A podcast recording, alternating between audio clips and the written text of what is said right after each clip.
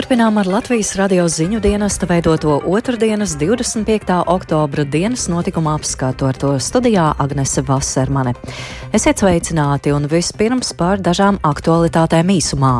Zelenskis prasa pasaulē četru veidu palīdzību. Lielbritānijas premjerministra amatā ir stājies bijušais ārlietu ministrs Sunaks.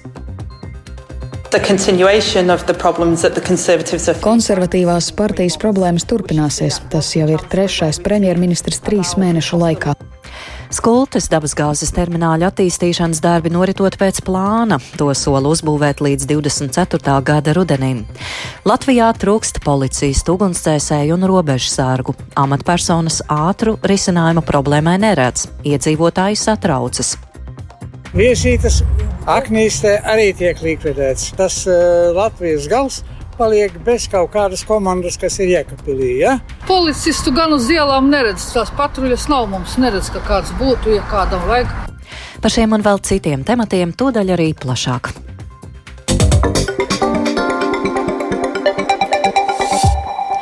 Ukrainas atjaunošana ir visas nākamās paudzes uzdevums, un pie, pie tā pildīšanas ir jāķeras nekavējoties. Šādu viedokli atklājot Ukrainas rekonstrukcijai veltītu ekspertu konferenci, ir paudis Vācijas kanclers Olafs Šolts. Konference rīkota kopīgi ar Eiropas komisiju. Uzrunājot sanāksmes dalībniekus, Ukrainas prezidents Volodimirs Zelenskis norādīja, ka Krievija īsteno teroru, kura mērķis ir panākt, lai Ukraiņiem un arī Eiropiešiem būtu pēc iespējas iespējas grūtāk pārdzīvot šo ziemu. Runājot par Ukrainas atjaunošanai nepieciešamo palīdzību, Zelenskis norādīja uz četriem prioritāriem virzieniem. Нам потрібна безпека на землі. Ми працюємо заради неї разом. Mums ir nepieciešama aizsardzība uz zemes, un mēs kopīgi strādājam, lai to nodrošinātu. Mums ir nepieciešama aizsardzība debesīs, un mēs aktīvi runājam par pretgaisa aizsardzības sistēmu piegādi. Mums ir nepieciešama finansiālā palīdzība, un mēs pie tā strādājam dažādos līmeņos - gan ar Starptautisko valūtas fondu, gan Pasaules banku, Eiropas Savienību, ASV un citiem partneriem. Bet ceturtais līmenis ir mūsu institucionālās spējas. Tās ir nepieciešams spēcināt, lai mēs varētu īstenot valsts atjaunošanas programmas tagad, kad karš joprojām turpinās, un arī arī pēckara periodā. Ir izrahovanī na pīsļavojenī periodu. Un turpinām ar aktualitātēm citās valstīs. Rišijs Sunaks šodien oficiāli kļuvis par Lielbritānijas premjerministru. Viņš ir pirmais Āzijas izcēlesmes un pirmais nebaltādainais politiķis šajā amatā. Sunaks bija vienīgais kandidāts uz valdības vadītāja krēslu pēc tam, kad viņa konservatīvās partijas kolēģi atteicās no cīņas. Jaunais premjers brīdinājis, ka ekonomikas stabilizēšanai būs nepieciešams pieņemt smagus lēmumus. Stāsta Arķums Konahaus. Otradien no rīta Dauningstrītā notika pēdējā Līzas trases valdības sēde, un jau pēcpusdienā pēc tikšanās ar Lielbritānijas karali Čārlzu III viņu šajā namā nomainīja Rišijs Sunaks. Atvadu uzrunā trasa nav atvainojusies par pieļautajām kļūdām un sacīja, ka viņai ir bijusi taisnība. Tādēļ par bijušās valdības kļūdām bija jārunā Sunakam. But some mistakes were made. Bet dažas kļūdas tika pieļautas ne aiz ļauna prāta vai sliktiem nodomiem. Tieši pretēji, bet tās tik un tā bija kļūdas. Es esmu ievēlēts par manas partijas priekšsēdētāju un jūsu premjerministru arī tādēļ, lai tās labotu. Darbs sāks tūlīt.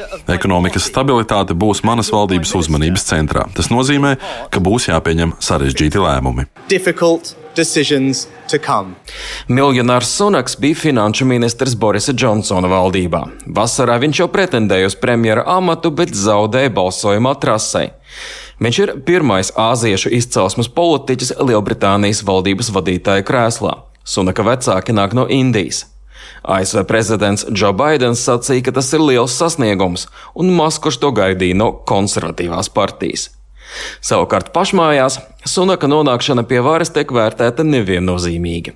Opozīcijā esošās Leiboristu partijas vadītāja vietniece Anģela Rainere vēlreiz atkārtoja, ka valstī ir nepieciešams sasaukt parlamentu vēlēšanas, nevis bez jebkādas konkurences un konsultēšanās ar vēlētājiem kronēt jauno premjerministru. Es domāju, ka konservatīvās partijas problēmas turpināsies. Tas jau ir trešais premjerministrs trīs mēnešu laikā. Kad arī šis sunaks bija finanšu ministrs, valstī bija zema ekonomikas izaugsme. Viņš nav spējis tikt galā ar inflāciju un palīdzēt ģimenēm, kas satraucas par pieaugušo dzīves dārdzību. Pēdējās nedēļas laikā arī šis sunaks nav teicis ne vārda par to, kā viņš grasās risināt iedzīvotāju problēmas challenges that people are facing today. Līdzīgi izteicās arī Skotijas premjera Nikola Stērģena. Viņa pauda satraukumu par Sunaka valdības gaidāmo taupības politiku, kas neesot pareizais ceļš. Rišijs Sunaks kļūs par vēl vienu konservatīvo premjerministru, ko Skotija nav ievēlējusi, un es varētu sadarēt uz savu pēdējo dolāru, ka pat ja Skotiem šodien dot iespēju balsot, viņi tik un tā neizvēlētos Rišiju Sunaku. Skotijai jau atkal ir jācer, ka jaunā Lielbritānijas valdība būs mazākais iespējamais ļaunums, bet ir arī cits risinājums. Skotijas neatkarība nozīmēs atgriešanos Eiropas Savienībā un kontroli pār savu likteni. Tas noteikti būs labāk nekā haoss un ekonomiskā asinspirts, ar ko mums liekas sadzīvot viens konservatīvais premjers aiz otra. Turpretī Sunaka atbalstītāji cer, ka viņš varēs atgriezt valstī ekonomisko stabilitāti un atjaunot iedragāto konservatīvās partijas reputāciju. Bet pēc pēdējo mēnešu skandāliem tas nebūs vienkārši. Arcums Kanahaus Latvijas Rādio Briselē. Eiropas komisija ir skeptiski noskaņota pret elektroenerģijas ražošanai izmantotās gāzes subsidēšanu. Šāds cenu samazināšanas mehānisms darbojas Spānijā un Portugālē, un tādēļ tiek dēvēts par Pirenēju modeli. Komisijas eksperti uzskata, ka tā vietā vajadzētu slēgt ilgtermiņa līgumus ar zaļās enerģijas piegādātājiem par zemākām cenām. Abas šīs iespējas, kā arī citi priekšlikumi pašreizējās krīzes pārvarēšanai, tika apspriesti šīs dienas enerģētikas ministru sanāksmē Luksemburgā. You know, um, not... Kā jūs zināt, Pirnei pussala nav pietiekami labi savienota ar pārējo Eiropu, tādēļ tur bija iespējams izmantot šo pieeju. Valstu līderi deva mums uzdevumu izanalizēt, vai šo modeli varētu attiecināt uz citām valstīm tā, lai tas nepalielinātu gāzes patēriņu. Tāpat mums bija jāsaprot, kādus izdevumus tas varētu radīt, jo dažādās valstīs dažādi enerģijas avoti tiek izmantot atšķirīgās proporcijās. Līdz ar to gāzes subsidēšanas izmaksas arī būs atšķirīgas shared unevenly. Šāda Eiropas Savienības enerģētikas komisāra Kadrija Simpsone pamatoja skeptisko attieksmi pret Pirenēju modeli, jeb gāzes subsidēšanu elektrības ražošanai.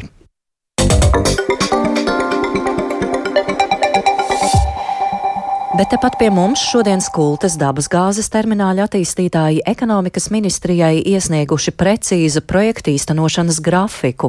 Projekta attīstītājs Latvijas radio norāda, ka darbi rit pēc plāna un nav bažu, ka termināli nepaspēs uzbūvēt līdz 2024. gada rudens sezonai, kā to noteikusi valdība. Tiesa, gausā valdības veidošana saspringtajam darba grafikam par labu nenāk. Plašāk par šo tēmatu Lindas Zalānes ierakstā. Šobrīd mēs strādājam vairākos virzienos pēc likuma pieņemšanas. Tas bija tāds signāls, jā, ka tas termināls Latvijā ir vajadzīgs. Akcijas sabiedrības skulte LNG termināla ģenerāldirektors Renārs Miķelsons stāsta, ka ekonomikas ministrijai iesniegtajā projekta īstenošanas grafikā sniegta informācija, ka pat laban darbs norit četros virzienos. Pirmais ir uh, ietekme uz vidi, tas ir pētījums uz dabu, ko mēs veicam, tad ir tehnoloģija apraksts, tad ir būvniecības procesa apraksts un avārijas riski. Tad ļoti daudz šobrīd strādājam pie inženieru tehniskā risinājuma, platformas tieši. Tas ir ļoti svarīgi, kā tā platforma tiks novietot un kā būs uh, tieši droša pietaulošanas risinājuma. Kuģošanas kompānijām ir dažādas drošības prasības, un mums ir jāpanāk tas, lai varētu jebkurš kuģis šeit ienākt un pietauloties. Vēl uzņēmums projektē cauruļvada trases un strādā pie topogrāfijas darba sākšanas. Tāpat tiek strādāts arī pie strateģiskā investoru piesaists, un šobrīd no sešiem iespējamiem investoriem, kas bija maijā, ir palikuši divi. Miķelsons uzsver, ka darbi rit pēc plāna un nav bažu, ka termināli nepaspēs uzbūvēt līdz 2024. gada rudens sezonai, kā to noteikusi valdība. Tiesa gausā valdības veidošana saspringtajam darba grafikam nenāk par labu. Tas mazliet kavē to procesu, bet joprojām ir laiks. Kā ja valdība mēs reiķināmies varētu būt apstiprināta līdz novembra vidum, tas ir vairāk kā pietiekami. Jā. Ietekmi uz vidi plānots pabeigt pēc sešiem mēnešiem, un platformu uzņēmums pasūtīs paralēli šim darbam. Tas kā būtu pietiekami, jo cauruļvadu sešu mēnešu laikā var uztaisīt, tā kā ir vēl šī vasara un arī vēl nākamā, un platforma jau tiek ražot citur, un viņi atnāk pēdējā brīdī. Ekonomikas ministrijas valsts sekretāra vietnieks Edijs Šaicāns uzsver, ka laika grafiks, cik ātri skultē ir jātīsta terminālis, ir noteikts ar likumu. Mēs no savas puses nekādas nobīdes laika grafikā pat eh, nevēlamies dzirdēt no projekta attīstītājiem, jo to likumdevējs ir skaidri un gaiši norādījis, līdz kuram šim terminālim ir jābūt gatavam. Mēs ļoti gaidam šos iesniegtos dokumentus no skultas eh, termināļa attīstītājiem, lai saprastu arī viņu gatavību, kur viņi šobrīd atrodas, kādas viņi soļus šobrīd veids, kādā stadijā viņi ir un ko īsti viņi sagaida no valsts. Tā kā mēs šos dokumentus redzēsim, tad arī droši vien gatavosim kādus dokumentus ministru kabinetu. Šaicāns atklāja, ka ekonomikas ministrija no termināļa attīstītāja vēlas iegūt informāciju par regulatīvo vidi. No valdības puses mērķis ir, ka šis nacionālais terminālis strādā un viņš strādā ekonomiski pamatoti un ņemot vērā, ka viņam šīs izmaksas ir zemākas nekā citiem reģionāliem termināļiem, tad ir skaidrs, ka mēs redzam, lai šis terminālis būtu tāds kā vadošais terminālis Baltijā. Bet, lai tas viss tiktu īstenots, ir skaidrs, ka jāsaprot, kāds ir tā regulatīvā vide, vai viņa sadara ar terminālu un kā pašu projektu attīstītāji uz to skatās. Ļoti gaidām jaunās valdības izveidošanos un skaidrs, tik līdz šī informācija arī mums būs ministrijā daudz lielāka skaidrība, būs zināmas arī kaut kādas prasības arī no projektu attīstītāja puses, tad eh, skaidrs, ka mēs jau no valdības iesim un iepazīstināsim gan ar šo konkrēto aktuālo situāciju, kur šobrīd šis projekts stāv, un kas tad ir tas, ko viņi sagaida no valsts puses, un tad jau arī politikiem būs iespēja pieņemt jau tādus galējos lēmumus. Miķelsons lēš, ka sašķidrinātās dabasgāzes termināls pie Skultas ostas varētu izmaksāt aptuveni 120 miljonus eiro, bet galā prēķinu varēs veikt tikai tad, kad būs pabeigti inženiertehniskie darbi un saņemti precīzi cenu piedāvājumi no piegādātājiem. Svārstības varētu būt 20% robežās. Linda Zalāne, Latvijas radio.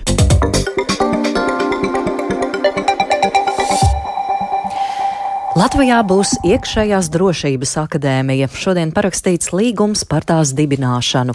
Ar iestādes izveidi tikšot labota pirms 12 gadiem pieļautā kļūda, kad likvidēja policijas akadēmiju. Iekšējās drošības akadēmijā plānots ieguldīt apmēram 45 miljonus eiro, un pirmos studentus varētu uzņemt nākamā gada septembrī. Pat laban valsts policijā trūkst gandrīz ceturtā daļa darbinieku, bet valsts ugunsdzēsības un glābšanas dienestā un valsts robežsardzē ap 12-13% darbinieku. Iekšlietu ministrs Latvijas radio uzsvēra, ka gadiem valdības ir rīkojušās netālu redzīgi un ilgstoši nav pievērsta uzmanība iekšējai drošībai. Viņš gan norāda, ka uz iekšējās drošības iestādēm joprojām varam paļauties, taču jautājums ir par to, cik ilgi tas vēl notiks uz nodarbināto veselības, noslodzes un psiholoģiskās izdegšanas rēķina. Ministrs Kristaps Eklons norāda, pat ja šobrīd papildu naudu piešķirs, būs vajadzīgi gadi, lai iekšlietu struktūras stiprinātu. Mums darbinieki iet projām, pamet dienestus, apmācīti, sagatavot darbinieki, pamet dienestus un, un, un nepiesakās arī jauni. Jo, nu, kāpēc pieteikties uz kaut ko, kur eh, tev maksā pusi mazāk nekā šobrīd, nekā tas ir tautsēmniecībā vai citos, citu jomu uh, iestādēs? Tas nav jaunums, tas nav pārsteigums nevienam, kur mēs šobrīd esam uh, nonākuši. Bet, uh, situācija tieši tik kritiska, ka tā nav jārunā par to, vai kam ir vai nav pārsteigums, bet jautājums, ko mēs varam mainīt un kā to steidzami uh, labot. Skumji, skumji ir tas faktors, ka pat tad, ja šobrīd to naudu iedos, mēs to neatrisināsim ne pa gadu, ne pa diviem jo ir eh, infrastruktūra, ir uh, eh, tik sliktā stāvoklī uh, nolaista šo gadu desmitu laikā, ka viņu nevar par ne pa gadu, ne pa diviem uh, pacelt. Un tieši tas pats ir arī nodarbinātajiem. Mēs nevaram ne policists, ne ugunsdzēsējs, ne robežsargus kvalitatīvi sagatavot visā termiņā. Tas prasa gadus, gadu investīciju gan naudas izteiksmē, gan darba izteiksmē, ka mums ir viņus jāizskola, jāizglīto, jāiedod viņiem to pieredzi strādāt šajā jomā, un tikai tad viņš varētu sev uzskatīt uzskatīt par profesionāli. Kā jau minēju iepriekš, tā nav bijusi pietiekoša iedziļināšanās un, un, un, un drusku tālredzīgāk, tālredzīgāks redzējums, kāda būs tā mūsu valsts iekšējā drošība. Kādā stāvoklī nu, jūs tomēr uh, esat pēdējo pusgadu strādājis, iepazinis, uh, ir iekšlietas struktūras? Mēs varam uz mēs, to paļauties šobrīd. Mēs neapšaubām varam paļauties joprojām uz uh, iekšējo drošības iestādēm. Un, Mēs teiksim, tā, mēs pa šos gadu desmitiem esam pie tā radināti, nu, kad, kad, ja vajag, tad izdarīs. Bet jautājums, cik ilgi to mēs darīsim uz mūsu uh, nodarbināto uh, veselības, uh, noslodzes, uh, uh, psiholoģiskās izdegšanas rēķina. Tā iekšlieta ministrs Kristaps Eklāns no partijas attīstībai pār ar viņu runāja Jānis Ramāns. Amatpersonas ātru risinājumu šai problēmai neredz, bet iedzīvotāji satraucas, piemēram, par ziņu, ka uz laiku ir slēgti 18 ugunsdzēsēju posteņi. Korespondente Sintija Ambota aprunājās ar cilvēkiem Rīgas ielās par dažādu drošības struktūru darbu Latvijā. Mana māja sadeguši pa pēdējiem diviem gadiem, divi dzīvokļi. Jā, un ļoti ātri atbrauca te ugunsdzēsēji, bet ja viņus nebūs pietiekami daudz, nu, kas būs, savādāk nebūtu labi. Ierakstā dzirdamā Zeltūdas iedzīvotāja Natālija savā pieredzē saskārusies ar operatīvu rīcību drošības jautājumos, taču viņu satrauc nesenā ziņa par valsts ugunsdzēsības un glābšanas dienesta plāniem īslaicīgi slēgt mazāk noslogotos posteņus kritiskā personāla trūkuma dēļ. Tikmēr Rīgas ielās sastaptais Kārlis ir no viesītes, kas ir viena no vietām, kur ugunsdzēsēju postenis tiek slēgts uz laiku, un viņa prāt šī reģiona iedzīvotājus tas īpaši ietekmēs. Un e, viesītes uguns eh, aizsardzības dienesta punkts tiek arī likvidēts. Aknīstē arī tiek likvidēts. Viss tas uh, Latvijas gals paliek bez kaut kādas komandas, kas ir iekapilī. Ja? Tātad, ja līdz viesītē jābrauc ir uh, 40, 30 minūtes no iekapils, tad līdz aknīstē tas jau būs stunda un vairāk. Tur viss būs nodedzis. Tā kā es domāju, aiz taupības pašreiz mēs varbūt pārsteidzamies pieņemt uh, nopietnus lēmumus. Bet jūs kā iedzīvotāji tas dara bažīgi? Man no dara tas bažīgi, jā. jā. Savukārt rīznieks Andris spriež, ka Rīgas iedzīvotāji ar valsts iekšējās vai ārējās drošības jautājumiem ikdienā saskaras un domā par tiem mazāk nekā reģionos, jo dažādu struktūru darbinieku pilsētā ir vairāk. Noteikti, ka, var, noteikti, ka bija visās problēmas, bet Nu, šeit Rīgā cilvēks tā nejūt, ka varbūt ja cilvēki, kas dzīvo tuvāk robežai, varbūt to vajag sajūt vairāk. Nu. Ikdienā ir kaut kāda saskarsme, vai policija var vugdu ir bijusi? Vai? Principā nav bieži nebijusi. Nu tad, bet ir tāda paļaušanās, ka. Nu, liela ticība nav Latvijas varas iestādēm, tāpēc es neteiktu, ka nu, nav arī tā, ka bailes ir. Vēl runājot tieši par policijas darbu, iedzīvotāja Ināra stāsta, ka ikdienā gan savā sētnieces darbā saskars ar dažādām situācijām, īpaši rudens un ziemas mēnešos, kad ielas ir tumšas. Viņa spriež, ka nepieciešams arī vairāk policijas patruļu, lai justos drošāk. Es jau ļoti sen strādāju. Un, ziniet, cilvēki jau ir visādi. Ir tādi laipni, un ir tādi, kas sola ķieģeli uz galvas uzbūvēt dažreiz visādi. Bet jūs kā pilsonis jūties droši, ka jūs varat kādu kārtības sargu izsaukt? Un... Policistu gan uz ielām neredz. Tās patruļas nav mums neredz, ka kāds būtu, ja kādam vajag Jā. kaut ko pasaukt, nu, tad, tad ir jāzvana vienīgais. Nu. Dažreiz tādas bailīgas, īpaši, kad sniegu tīrīt, piemēram, no rīta tu piecos iznāc ļoti agri. Ja, tad, tad, tad, tad ir diezgan tā. Nu bailīgi. Neumulīgi. Neumulīgi Kā ir, varbūt esat dzirdējis arī ziņa, ka valsts ugunsdzēsības glābšanas dienests eh, var ciet 18 posteņus uz laiku, jo viņiem nav cilvēku, kas strādā. Nu, tas kā... arī īpaši nu, prieku neizraisa, tāpēc ka nu, viss jau var notikt. Sinti Ambota, Latvijas radio.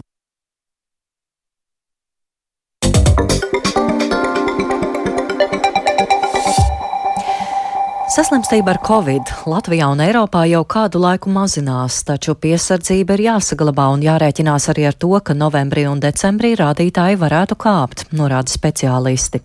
Covid neatliekamās palīdzības dienestam slodzi vairs neradot, taču dažādu citu problēmu dēļ brigāžu pieejamība šajā rudenī ir pat zemāka nekā pērn. Tematu turpina Kristaps Feldmanis.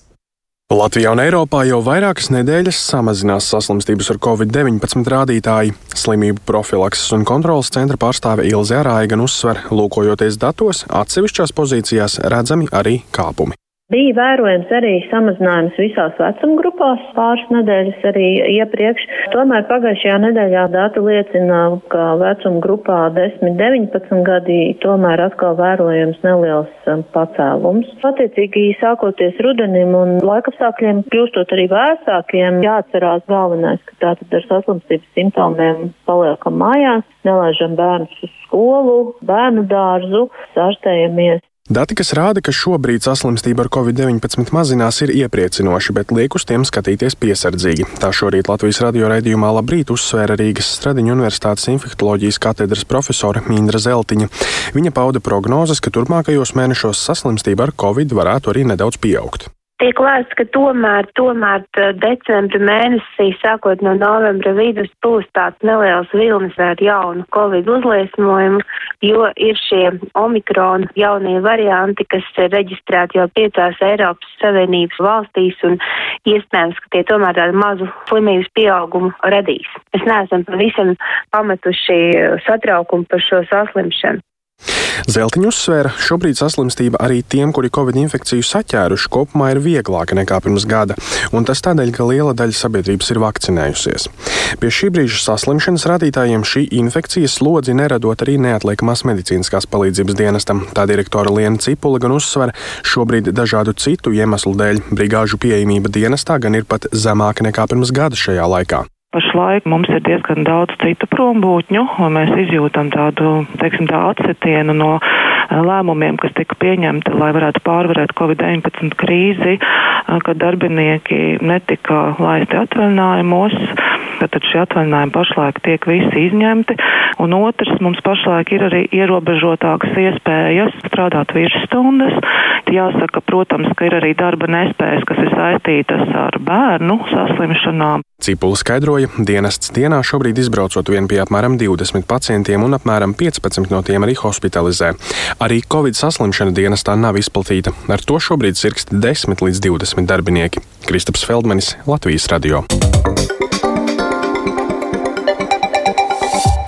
Dzīves dramaturģija saista vairāk nekā fantāzija. Tā rakstnieks Jānis Joņevs piesaka jauno dokumentālo detektīvu romānu Decembris. Ar Jāni Joņevu tikās Ieva Puķe. Bailes, tas laikam ir atslēgas vārds. Sešas slepkavības un Rīga nemaz nav liela. Manieks var arī pārvietoties, bet kāpēc Joņevs izvēlējies pievērsties tik seniem 90. gadu notikumiem, nevis, piemēram, imants pedofilu tvarstīšanai pirms septiņiem gadiem? Lūk, autora skaidrojums. Es labprāt vēl senākus uh, aprakstītu, lai neaizskārtu kādu cilvēku. Tā iegadījās. Tā notikuma sērija tik neticama, šķita sakrītam tik daudz, uh, izsaka tāda absurda un nežēlīga. Es gribēju izpētīt šo gadījumu, cik nu varēju. Vai tu atklāji kaut ko vairāk nekā policija un mediji, kas tajā laikā intensīvi rakstīja? Dažas sakarības bija varbūt palaistas garām, bet um, vai tas būtu devis vairāk atrisinājumam, nezinu. Pats galvenais jautājums, vai šis manieks tika noķerts? Bet to lasiet, tagad es varu diezgan savojāt intrigošu atbildi. Arī Rietumē Eiropā šobrīd detektīvu romāni esot ļoti populāri. Es jau vienmēr esmu tā uzstādījis sev kaut kādu notikumu aktualitāšu vilcienā ne, nelikt, bet šoreiz varbūt sanāca ielikt, bet nu, tas tā neplānoti, nē, nu, grūti jau pateikt, vai var jau iedomāties sevi, esam ļoti neatkarīgi, bet apkārt notiekošais jau kaut kā iedarbojas. Jā, nu, tā mētāšanās pa žanriem, tas jau drīzāk kaut kāda rakstura nenoteiktība. Nā, nākamā grāmata būs vēl pavisam citā žanrā, vispār vēl, vēl nenosakāmākā laikam. Romāna pēcvārdā rakstnieks rod saikni ar notikumiem Ukrajinā. Citēju: 90. beigušies, bet kas mums ir tagad? Tepat blakus desmitiem tūkstošiem slepkavību, noziegumu paveikti ar absurdu nežēlību, bez saprotams motivācijas, ar zēzīmi. Galvenais manieks labi zināms, vairs nav jāmeklē grāmatās, kā izskatās vēlns. Joņevs secina, šī nežēlība pārspēja arī viņa krimināla romāna dzīves piespēlēto sižetu, bet ir jāturpina dzīvot un jāturpina rakstīt grāmatas. Ieva Puķe, Latvijas radio. Par to ziņu programmu izskan producents Viktors Pupiks, skaņu režijā Uldis Grīnbergs un Mārtiņš Paeglis, studijā Agnese Vasermane. Vēlreiz par būtiskāko. Lielbritānijas premjerministra amatā stājies bijušais ārlietu ministrs Rišijs Sunaks. Skultas dabasgāzes termināli sola uzbūvēt līdz 2024. gada rudenim. Latvijā trūkst policistu, ugunsdzēsēju un robežsargu. Amatpersonas ātru risinājumu problēmai neredz, iedzīvotāji satraucas. yeah.